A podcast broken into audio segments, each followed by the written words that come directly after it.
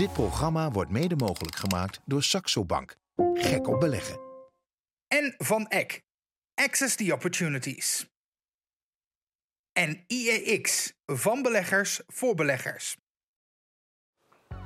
Je kijkt naar beleggerstalkshow Bulls en Bears met aandacht voor small en midcaps. Maar ook natuurlijk voor het event van dit cijferseizoen. De cijfers van Nvidia. De kurk waar de AI-boom en dus ook de beurs op drijft. Gaan we blijven drijven? Dat is de vraag die ik ga stellen aan onze experts. Nu in Bulls en Bears.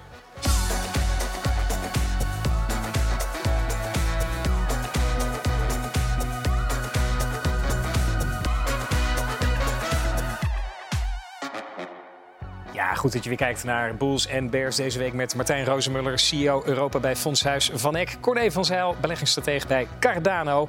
Nieuwe gast Pieter Kort, hoofdredacteur van IEX.nl. En het prachtige blad wat we wekelijks weggeven. Pieter, welkom, fijn dat je er bent. En Hans Oudshoorn, beleggerstrainer bij Saxo en auteur van het boek. Mede-auteur moet ik zeggen, van het boek Beleggen voor Dummies. Fijn dat jullie er weer zijn. Ja, een paar weken Hosanna geweest en deze week kregen we een tik op de vingers, Martijn. Uh, hoe zit dat? Ja, de markt die, uh, kreeg toch even een klein uh, paniekaanval. Uh, gisteren waren er cijfers in Amerika, inflatiecijfers. En ja, die waren toch net een klein tikje slechter dan verwacht. ja, waardoor beleggers dan toch het moment waarop de rente in Amerika verlaagd gaat worden... wat verder in de toekomst zien verdwijnen. En ja, daarvan sokken. Is dat een tik of een tikje? Nou ja, uiteindelijk was het een tikje, denk ik. Want nou, ik moet zeggen, ik was vanochtend eigenlijk best verrast hoe positief uh, in Europa alles toch weer van start ging. En uh, nou ja, as we speak is het ook allemaal nog steeds groen op te worden. Kijk, ik schoot een beetje in een kramp. De laatste week hebben we het vaak gehad over de vooruitzichten. En, uh, en ook dat er mogelijk ooit een keer komt er een kentering. Blow-off top is een term die ik veel lees. Lopen we het risico op een blow-off top, Martijn? En ja. Wat is het? Dat is, uh, het is een, een, bijzonder begrip. Ik, ik, denk dat je het beste kan voorstellen als hè, de, de, de, top die gezet wordt, die uh, wordt steeds steiler. En dan lijkt hij op een gegeven moment echt recht omhoog te gaan bijvoorbeeld Nvidia is daar een mooi voorbeeld van. Ja, ja um, het idee is natuurlijk dat als die blow-off geweest is, dat het dan hard zou kunnen terugvallen. De grote vraag is, uh, ja, is dit nou inderdaad de blow-off top of komt er nog een beetje meer? Gaan we het straks over blow-off. Ja, Gaan we het straks natuurlijk over hebben, sowieso over Nvidia. Want dat uh, in dit geval bepaalt dat natuurlijk wel. Waar herken je een blow-off top aan, Hans? Nou, eigenlijk dat de koersen maar blijven stijgen en er nou, een soort van blind gekocht wordt. En dat je misschien als belegger niet meer naar de fundamentals van een onderneming of de beurs in zijn geheel gaat kijken. Dus eigenlijk blind kopen en forget about the fundamentals. En zitten we daar al een beetje in, Corné, of niet? Nou, een beetje wel. Wat je soms wel bij bepaalde aandelen ziet, is we kopen om het kopen. Omdat iedereen koopt, doen wij het ook maar. En er wordt er wat minder naar de fundamentals gekeken. Maar we zullen straks bij Nvidia kijken of dat echt zo is. Sowieso, hè, want uh, je zit dus nu in een markt die de afgelopen tijd ook hard omhoog is gegaan. Uh, uh, ja, het gaat niet al eeuwig blijven duren. Hoe kan je nou indekken tegen dat soort zaken? Nou, dat is misschien een beetje specialistisch, hè, maar je kunt ook gewoon brandverzekeringen op aandelen kopen. Hè. Dat noem je put-opties. Dat kan ook op de AEX, gewoon breed. Dan heb je een stukje bescherming voor je portefeuille op het moment dat de koersen naar beneden uh, ja, gaan. Dus er zijn wat mogelijkheden om je te verzekeren, ook tegen dalingen. Maar uh, ik denk dat we daar misschien volgende week wel meer over gaan, uh, gaan vertellen. Nou ja, jij denkt het, ik weet het zeker. Volgende week hebben we een speciale Bulls Bears Academy namelijk. Uh, over onder andere hoe je opties defensief kunt gebruiken. Dus mocht je hierin geïnteresseerd zijn, schakel dan zeker volgende week in. Um, ja, afgelopen tijd Hosanna tegelijkertijd. Je moet altijd rekening houden met een kentering. Zie je al wat in het sentiment bij de Saxo-belegger? Maakt men zich zorgen? Hoe hangt de vlag erbij? Nou, wat je eigenlijk ziet is dat het sentiment nog steeds positief is. Hè. Dat was vorig jaar. En dat lijntje we aardig doorgetrokken. Maar wat we wel gezien hebben voor het eerst in januari... dat het wat afkomt. Hè. En februari is zo'n beetje gelijk aan januari gebleven. Is, is wat stabilisatie. Um, vorige week hadden we het ook over welke sectoren zijn nou favoriet. Dat is de tech-sector. 56% gaf aan dat is onze favoriete sector. En daar zit misschien ook wel een deel van de verklaring waarom het sentiment iets minder positief aan het worden is. Uh, want het is een dun gedragen stijging voor de AEX. En er zijn ook heel veel bedrijven, klassieke bedrijven. Denk aan Ahold, denk bijvoorbeeld aan een uh, Shell. Maar ook een Unilever, dat staat op een koersniveau van vijf jaar geleden ja, dat blijft achter. En dat drukt misschien toch ook wel een beetje op het gevoel, hè, op het sentiment van beleggers. Herken je dat? Want jullie uh, ja, hebben natuurlijk veel contacten met beleggers. Is dit ook een beeld wat je vanuit nou, IEX wij doen, wij doen ook elke maand een sentimentspeiling onder alle bezoekers van IEX. Daar deden afgelopen maand iets voor 1100 uh, mensen aan mee. En uh, ik zie een beetje hetzelfde beeld. Het, het, het, het, is iets minder positief, maar ook maar echt een fractie minder positief. Maar ze zijn nog steeds heel positief. En opvallend genoeg ASML nog steeds het favoriete aandeel voor de komende maand. Nee, kijk eens aan. Nou, dus dat, dat, zit je in de techhoek en daar gaan we ook nu naartoe. Want Nvidia komt volgende week met cijfers. Ik hoef u niet uit te leggen. Het is natuurlijk het aandeel waar het uh, omgedraaid heeft en misschien nog steeds draait.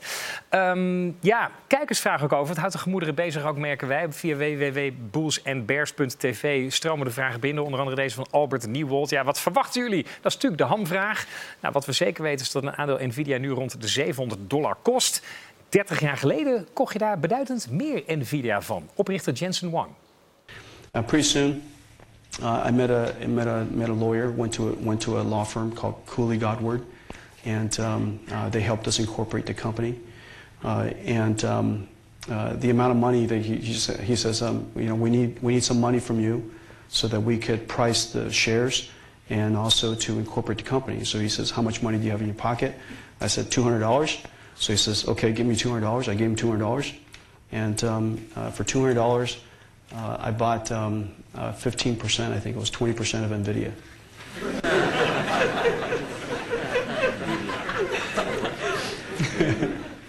so it was, it was a good deal. 200 dollar voor 20 procent. Ja, kom er nog maar zo'n Pieter. Waar zitten we nu op? Bedrijfswaarde, Nvidia? Ik dacht iets van ja, 1800 miljard. Volgens mij zijn ze deze week net groter geworden dan Amazon uh, op de beurs. Dus nou ja, dat uh, is behoorlijk hard gegroeid en de afgelopen tijd zeker. Maar ja, de verwacht, wat verwacht je van die cijfers? Wat denk jij, Corné? Nou, wat er niet is zeker is dat de verwachtingen van iedereen heel erg hoog gespannen zijn. De winstverwachting voor het komend jaar is verdrievoudigd in de afgelopen paar maanden. Uh, je ziet dat van de 63 analisten heeft er maar één heel gedurfd op een verkoopadvies staan. De rest zit allemaal aan de koopkant en een paar nog op de hold. Dus de, de verwachtingen zijn enorm hoog gespannen. En dat moet er dan ook wel uit gaan komen. Ja, en, wat, ja, en wat is het gevoel dan, jongens? Durven we ervan uit te gaan dat het wel goed zal zitten? Of misschien wel overtroffen wordt zoals de laatste keer? Of nou, dat is wel bijzonder. Die verwachtingen waren de vorige kwartaalcijfers, die kwartaalcijfers daarvoor. En daarvoor ook al hoog gespannen. En iedere van die drie keer gingen ze er keihard overheen. En ging de koers daarop nog eens een keer omhoog. Dus uh, Als dat gebeurt is... Vier keer de scheepsrecht. Durf je, het, durf je het niet te hebben, is eigenlijk nu een beetje de vraag in de markt. Goeie vraag, ja. ja hetzelfde, hetzelfde geldt voor ASML in Nederland, denk ik een beetje. Ja. Ja. Jij twitterde onlangs ook een Cisco-grafiek. De Cisco 20 jaar geleden, gigantische boom. Uh, is, het, is het het Cisco van deze tijd, uh, Corné? Ja, het, het, heeft daar heel veel van weg. De grafiek die je nu ziet is uh, de, het percentage beurswaarde in percentage van de totale beurs. En dat zit nu zo rond de 3%, 3,5 zelfs. En datzelfde beeld hebben we toen met Cisco gezien tijdens de internetboom. En beide zijn, zoals we dat noemen, de picks en shovels van de hele uh, uh, ontwikkeling die we zien. Toen was het van de internetboom. Oftewel, als je iets met internet wilde, moest je bij Cisco zijn. Nu, als je met iets met AI wil, moet je de, de chips van uh, Nvidia hebben. Dus beide zijn de basis van de techniek. Puur op basis hiervan zou ik denken, het kan alleen maar tegenvallen. Ja, dat, zou en dat is het mooie van de beurs. Het kan ook weer meevallen. Ja, we kunnen er niks over zeggen, maar het in ieder geval het blijft uh, gespannen, zullen we maar zeggen. Uh, Nvidia gaat, ons, gaat zich volgende week openbaren. Wij gaan ook eens even naar de andere kant op kijken. Weg van de reuzen, terug naar de small en de midcaps. Want die zijn er ook nog, maken een flink deel van de markt uit. Maar die markt is ja, niet meegegaan, uh, Martijn, geloof ik. Nee, de afgelopen tijd zie je dat heel duidelijk alle aandacht richting uh, de, de, ja, de grootste bedrijven gaat op de beurs, die, uh, die erg populair zijn. Maar ja, er zijn natuurlijk uh, ook kleinere bedrijven. En als je, nou, pak maar een jaar of 15 terugkijkt, hè, bijvoorbeeld hier in Nederland hebben we de AX, hè, waar dan de grootste bedrijven in zitten. Maar we hebben ook een AMX, midcap. Um, nou, op deze grafiek kan je zien dat er inmiddels een behoorlijk verschil is ontstaan, hè, waarbij die AX duidelijk beter gepresteerd heeft. Maar als je een aantal jaren terugkijkt, dan zie je dat er ook periodes waren waarin die midcap aandelen het eigenlijk beter deden. En het idee erachter was altijd dat ja, die midcappers, dat zijn toch een beetje de overnameprooien. Daar zou misschien wel wat overnamepremie in kunnen zitten. Ja, en uh, dat effect schijnt nu een beetje weg te zijn. Maar zijn ze alweer interessant, small caps, mid caps? He, want ze blijven dus achter. Op basis daarvan ze zeggen, nou ja, liever niet. Maar is, er een, is, er, is het een instapmoment wellicht? Nou, dat, dat, is een goede vraag. Ik denk dat je hem op twee manieren moet, uh, moet bekijken. Allereerst, hè, wat is de waardering van die midcappers zelf? Hè? En, en aan de andere kant, hoe is die waardering van die large caps? Want het feit dat er nu zo'n groot verschil is, is wellicht niet alleen omdat midcap laag gewaardeerd is. Het kan ook zijn dat die large caps gewoon hoog gewaardeerd zijn. Hoe je het ook bent of keert, op het moment dat je nu alleen maar in large caps belegd zou zijn, is het misschien best een aardig moment om een deel van die large cap winst te verzilveren en in midcap aandelen te beleggen. Hoe zou je dat kunnen doen, Hans? Dat kan met een ETF. Uh, en ik heb er eentje meegenomen, die is van uh, iShares. En uh, die belegt in small caps wereldwijd. En er zitten bijna 3400 bedrijven in. Nou, mijn kinderen zeggen wel eens: Oh, papa, zit je weer op Duolingo? Hè? Dat is zo'n app waarmee je talen kunt leren. Ik ben bezig met Spaans. daar kun je in beleggen, maar dat doe je dan middels deze ETF. Dan zit je heel breed. Hoe heeft dat het gedaan dan de afgelopen tijd? Nou ja, kijk, als je even teruggaat een aantal jaren, dan zie je natuurlijk een enorme dip ook met corona. Daarna een herstel ook optreden. Maar de afgelopen twee, drie jaar toch een beetje een slang in een tunnel. Nou, Martijn had het net over waarderingen. Vorige week ook over gehad. De S&P 20 keer de winst. Ja. Uh, maar als je kijkt naar de waarderingen van deze ETF, de bedrijven daarbinnen... Ja, dan zit je op ongeveer 13 keer de winst. Dus je betaalt toch echt, hè, qua waarde een stukje minder. Het geeft nog altijd wat dividend, bijna 2 Ja, en voor de kosten uh, eh, 0,35% op jaarbasis hoef je het niet te laten. Hier zit je dan overal in, heel breed gespreid. Ja. ben je overal van misschien ook wel nergens van. Kan je nog specifieker? Ja, dat kan. Uh, het, het kwam net eigenlijk al voorbij. En, uh, ik moet je compliment maken, want je hebt een hele mooie ETF gemaakt. en die is van Martijn in zijn team. En dat is de AMX-ETF. En dan beleg je in één klap, in één transactie... zeg maar in de eerste divisie van de Nederlandse aandelen. Ja, en daar zitten dan bedrijven in als Just Eat Takeaway. Nou, uh, afgelopen jaren flink onder druk gestaan. Maar dan zit je ook in een Vopak. Toevallig vandaag met cijfers gekomen. Dividendverhoging, gaan eigen aandelen inkopen. Maar dan zit je dus eigenlijk net één linie achter de AIX-index. Uh, en ook weer koers-winstverhouding, nog geen 13. En dat is toch een stuk lager dan de AIX, hè, de large caps zelf. Dus uh, een idee waard. Dat is breed gespreid beleggen in small caps. zijn er ook individuele parels? Daar gaan we na de break naar vissen. Misschien wel basic fit. Want ja, dat thuisworkouten, dat is ook niet alles.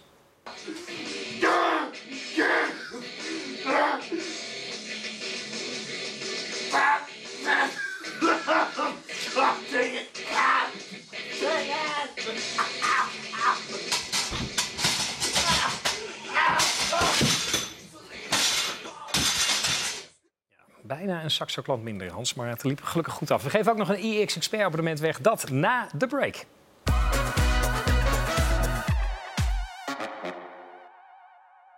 Dit programma wordt mede mogelijk gemaakt door Saxo Bank. Gek op beleggen. En van Eck. Access the Opportunities. En IEX. Van beleggers voor beleggers. Dit programma wordt mede mogelijk gemaakt door Saxo Bank. Gek op beleggen. En van Eck. Access the Opportunities. En IEX. Van beleggers voor beleggers.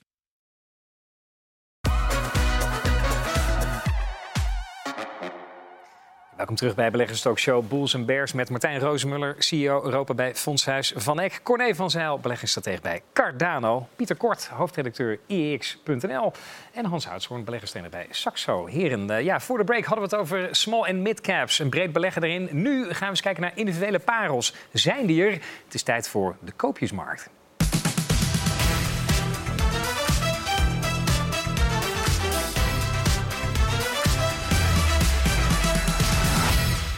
Ja, koopjesmarkten. Pieter, voor de break hadden we het al over basic fit. Ik denk dan prijsvechter, lage marges. Word je niet vet van, maar het is wellicht toch een koopje.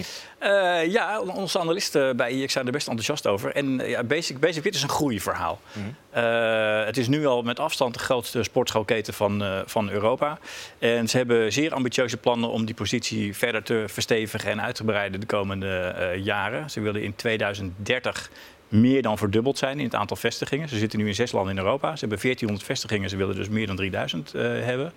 En uh, ze, leunen daarbij natuurlijk op een aantal factoren die, die, die helpen. Er, er is natuurlijk een gezondheidstrend. Mensen, er gaan steeds meer mensen naar de sportschool omdat ze bezig zijn met, met gezond, gezondheid en hun lichaam. Uh, in Europa is de penetratiegraad van, van sportschoolabonnementen nog niet zo hoog als bijvoorbeeld in Amerika. Dus, in, dus daar zit, er zit ruimte in voor groei wat dat betreft? Ja, er zit zeker, er zit zeker ruimte in voor groei. Maar, als je naar de grafiek kijkt, heb ik even naar gekeken. De afgelopen, het afgelopen jaar is dat niet uh, crescendo gegaan. Nee, en het heeft er ook mee te maken dat ze, kijk, ze hebben een hele ambitieuze groeistrategie. En daar zitten natuurlijk ook flink veel risico's aan vast. Mm -hmm. Onze analist zegt ook high, high risk, high reward uh, bij zo'n aandeel als dit. En uh, ja, het kan economisch tegenzitten. Dat betekent dat je minder abonnementen uh, per vestiging, uh, minder inkomsten per vestiging krijgt. Dus dat kan op de winstgevendheid drukken. de rente kan weer gaan opspelen en dan gaat zo'n groeitempo ook verlagen. Dus die risico's, maar die zitten al wel behoorlijk in, in de koers bij, bij Basic Fit. Okay. En, en, qua financiering, want het is natuurlijk van 1500 naar pak een beetje 3000. Dat is een flinke stap. Uh, ja, dat is inderdaad een flinke stap. En eh, Basic Fit zegt dat zelf helemaal uit de eigen cashflow te kunnen doen. Dus in principe de, de, inkomsten die ze krijgen uit bestaande vestigingen... investeren ze in het openen van nieuwe en het overnemen van kleine, kleine ketens. En wat is een hele gefragmenteerde markt, die, die, die fitnessmarkt. Dus het zijn allemaal kleine lokale ketentjes... die bovendien na COVID ook nog eens een keer een slechte tijd hebben doorgemaakt. Dus die, die staan er niet zo florissant voor. Dus Zolang er geen nieuwe pandemie uitbreekt, zitten ze snor inderdaad. Een basic fit, Corné, uh, even uit de heup geschoten. Spreekt het jou ook aan als je dit zo hoort? Ik vind het een heel leuk businessmodel. Uh, ik kom stiekem zelfs ook wel eens bij een sportschool. En uh, ik zie al veel animo er altijd voor. Dus, ja. Dus daar zit wat in. Check, basic fit noteren we. We gaan ja, vanuit gezondheidstrend naar toch een stukje gezondheid. Kijkersvraag kregen we namelijk binnen over een uh, ja, midcapper of een smallcapper farming. Kijkersvraag uh, van Cornelis Duiker. Die zegt, ja, dat aandeel dat gaat naar beneden. Hoe zit dat? Komt het doordat er een concurrerend geneesmiddel is? Of zijn het gewoon de shortsellers die het feestje een beetje lopen te verstieren? Corné, uh, farming, het is een aandeel waar vorig jaar ook veel over gesproken is. belofte, maar valt ja. tegen blijkbaar. Ja, farming wordt altijd uh, veel over gesproken. Het is een enorm populair aandeel onder particuliere beleggers. En als het dan een beetje tegen zit, dan krijgen de shorters altijd de schuld. Dus dat is een van de zekerheidjes die je van tevoren weet. Het aandeel valt heel erg tegen qua koersontwikkeling. Maar eigenlijk doen ze precies wat ze moeten doen. Uh, wat je wel ziet is, ze hebben een nieuw medicijn. Uh, Junja. Uh, en dat is voor die immuunziekte. En dat betekent wel dat je. Ja, daar zijn niet zoveel patiënten voor. Die moeten ze ook echt zoeken. Uh, oftewel, de 5 op de 1 miljoen. Dus ze zouden in theorie 80 patiënten zijn in Nederland, om maar zo'n voorbeeld te geven. Nou, dat is het groeiverhaal. En het basis waar ze, het eerste medicijn waar ze mee begonnen, Ruconest. Ja, daar zie je dat er wel mogelijk wat concurrentie binnen een paar jaar zou kunnen komen. En dat is waarom beleggers het een beetje vrezen. En daar maakten ze mooie winsten mee. Maar dat is dus wel uh, op, op lange termijn misschien een wat moeilijker verhaal. Past het op een koopjesmarkt? Is het Nee, het was eigenlijk omdat ze winst met het Rukenes maakten, barsten het op een koopjesmarkt. Maar nu is het vooral groei van die nieuwe medicijnen die ze moeten hebben. Dus is het nu weer een beetje een groeiaandeel geworden. Ja, precies. En die groei die valt dan misschien tegen, Pieter. Ja, het is, het is inderdaad een heel populair aandeel bij ons op het, op het IX-forum. Er wordt heel veel over gediscussieerd. En uh, het, het, is, het is een beetje sneu eigenlijk, want eigenlijk heeft Farming alles goed gedaan. Uh, ze, ze, hebben niet uh, als biotech niet één, maar twee medicijnen goedgekeurd gekregen door de FDA. Dat is best een unicum. Uh, ze maken er goede omzet mee. Uh, alleen die koers is gewoon niet echt vooruit te branden. Alles goed doen, toch geen waardering krijgen. Ik herken mezelf erin. Uh, nee. maar farming inderdaad. Geen koopje dus. ja, de Comsi Comsa aandeel op dit moment. Nou, nou ja, daar maak ik het op uiteindelijk doen wat ze, gaan, wat ze hebben beloofd, komt het wel goed. Juist, goed. Um, gaan we door naar wat mogelijk wel een koopje is. Want wat zou je dan wel op die koopjesmarkt plaatsen? Pieter. Nou, onze uh, analisten zijn enthousiast over, uh, over Fugro. Dan moet ik wel zeggen dat Fugro is eigenlijk niet eens een achterblijver. Het is een midkapper, maar geen achterblijver. Want ze hebben het afgelopen jaar beter gedaan dan, dan uh, de AIX. En wat ze doen, dames en heren, hè, beleggers kijken vaak omhoog, maar Fugro kijkt naar beneden. Dit is wat Fugro doet. We are Fugro. We use the power of geodata to unlock the secrets of Earth. From surface to subsurface, from natural to built environment. Together with our partners and clients, we're solving tomorrow's problems today. How? By turning geodata into practical advice for safer, sustainable, and efficient design and construction.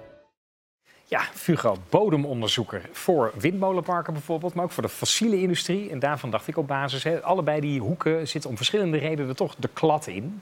Dus is Fugro dan daarom interessant? Ja, Fugro is echt een turnaround verhaal. Want Fugro heeft het, heeft het een, een tijd lang, en hebben we het over een paar jaar geleden, echt best heel moeilijk gehad. Uh, en Fugro heeft zichzelf echt heel knap opnieuw uitgevonden. Die, uh, de, de, financiering is, uh, is, op is, op orde. De winstgevendheid is terug. Ze gaan dit jaar voor het eerst weer dividend uitkeren. En misschien wat het belangrijkste, ze hebben zichzelf veel minder afhankelijk gemaakt van die olie- en gasindustrie. Okay. Vroeger bewoog het aandeel een beetje mee met de olieprijs. dat zie je al minder. Ze, ze, zitten nog wel natuurlijk sterk in die sector, maar ze zitten nu ook in die duurzame industrie, duurzame energiesector. Uh, infrastructuur, uh, dijkver, dijkverhoging en dat soort dingen. Dus zij hebben dat, dat, zeg maar, die, die omzet veel beter gespreid, zodat ze veel minder afhankelijk zijn van. En daar uh, zit dus muziek in, wat jullie betreft. Ja, zeker. Is dat eh, ook de reden waarom ze dan bijvoorbeeld in jullie ETF zitten? Of eh, waar kijken jullie naar dan? Nou ja, die is eigenlijk veel fantasielozer. Eh, de reden dat ze in de ETF zitten is dat ze in die midcap-index zitten. En ja, dan worden ze automatisch opgenomen. Ja. Maar eh, stiekem, het is natuurlijk wel een mooi verhaal. En eh, hoewel ik zelden mening heb over hele eh, zeg maar individuele bedrijven. Ja, als je hier naar kijkt, ook naar het filmpje. Het is gaaf dat wij hè, als Nederlanders zo'n bedrijf hebben wat, wat dit soort dingen kan. Juist. Dus zeker wat jullie betreft iets om naar te kijken als belegger. Fugro kan een koopje zijn. Hans, nog iets aan toe te voegen? Nee, ja, ik ben blij dat die eh, AMX-ETF ook zit. Dan beleg je er indirect toch ook met een klein portie in. Ja. Check. We gaan we vooruitkijken. We hebben natuurlijk al vooruitgekeken naar Nvidia. Waar staat er nog meer op de agenda volgende week? Die vraag hebben we voorgelegd. Jullie hebben gezegd, jazeker, want inflatiecijfers Europa, gaan jullie naar kijken. Inkoopmanagersindex wordt naar gekeken. Maar ook, en die wil ik toch even checken, eh, Corné, de Belgian, wat is het? General Business Confidence Index. Waarom moeten we die in de gaten houden? Nou, het is simpelweg het enige cijfer waar de economen in eh, Europa naar kijken wat uit België komt. En dat komt omdat België eigenlijk een brede afspiegeling is van de totale Europese economie. Ze hebben van alles wat, wat auto-industrie, wat pharma, wat voeding en dat soort zaken. Dus eigenlijk met dat ene cijfer heb je een heel breed beeld van Europa. En daarom kijken we ernaar. Dus dat kan dan een kanarietje in een kolenmijn zijn, bij wijze van spreken. Juist, goed. Eh, dat gaan we dan in de gaten houden. Wat we ook in de gaten houden natuurlijk is de AEX. Elke week vragen jullie de AEX-slotstand van de dinsdag te voorspellen. Want dan win je dit IEX Expert abonnement. Als je dat het beste doet, krijg je wekelijks dit blad in de postbus. En dagelijks de analyses van meer dan 150 beursgenoteerde ondernemingen in je mailbox. Als je het dichtst erbij zit. De slotstand van afgelopen dinsdag was, dames en heren, 842,62. En Michel Schoonhoven zat daar dichtst bij met 842,30. Michel, van harte gefeliciteerd. Wil jij kans maken of wil jij deze prijs winnen? Voorspel dan de slotstand van de AEX van aanstaande dinsdag. Door dat uiterlijk zondagavond zit jij het dichtst bij. Dan pak jij die prijs. Check ook Kun je alle uitzendingen terugkijken. Ook nog eens een keer terug luisteren als podcast. Ik en ook analyses en tips vind je daar terug overigens. Ik dank mijn gasten Martijn Rozemuller, CEO Europa bij Fondshuis Van Eck. Corné van Zijl, beleggingsstratege bij Cardano. Pieter Kort, hoofdredacteur IEX. En Hans Oudshoorn, beleggerstrainer bij Saxo. En mede-auteur van het boek Beleggen voor Dummies. Eh, u bedankt voor het kijken. Tot volgende week bij de Bulls Bears Academy.